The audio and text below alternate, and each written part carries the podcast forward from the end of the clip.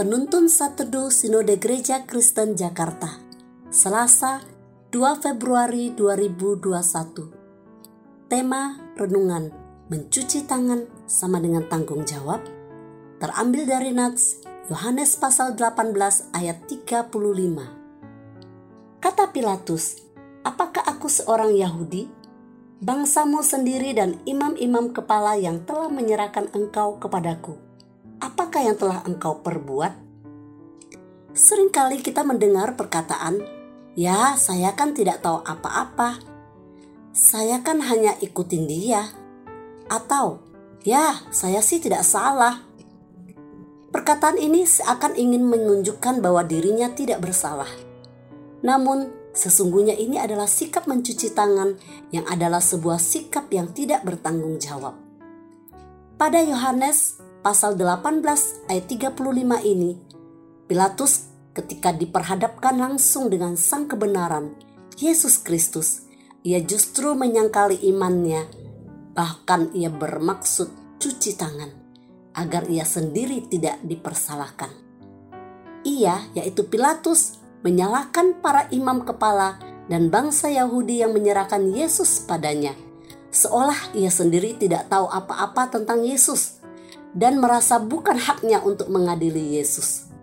Padahal ia sendiri sudah lama tahu tentang Yesus dan ia sendiri adalah perwakilan bangsa Romawi sebagai hakim dan penguasa pada waktu itu.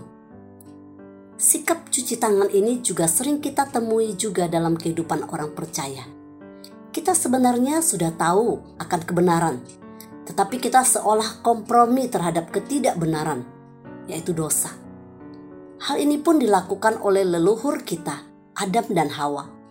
Mereka tidak mau dipersalahkan atas pelanggaran perintah Tuhan. Mereka justru tidak mau bertanggung jawab atas kesalahan mereka dan malah saling menyalahkan dan tidak mau mengakui kesalahannya. Hidup sebagai murid Kristus adalah hidup yang berani bertanggung jawab atas segala perbuatannya. Dengan kata lain, berani dan siap menerima konsekuensi atau akibat perbuatannya.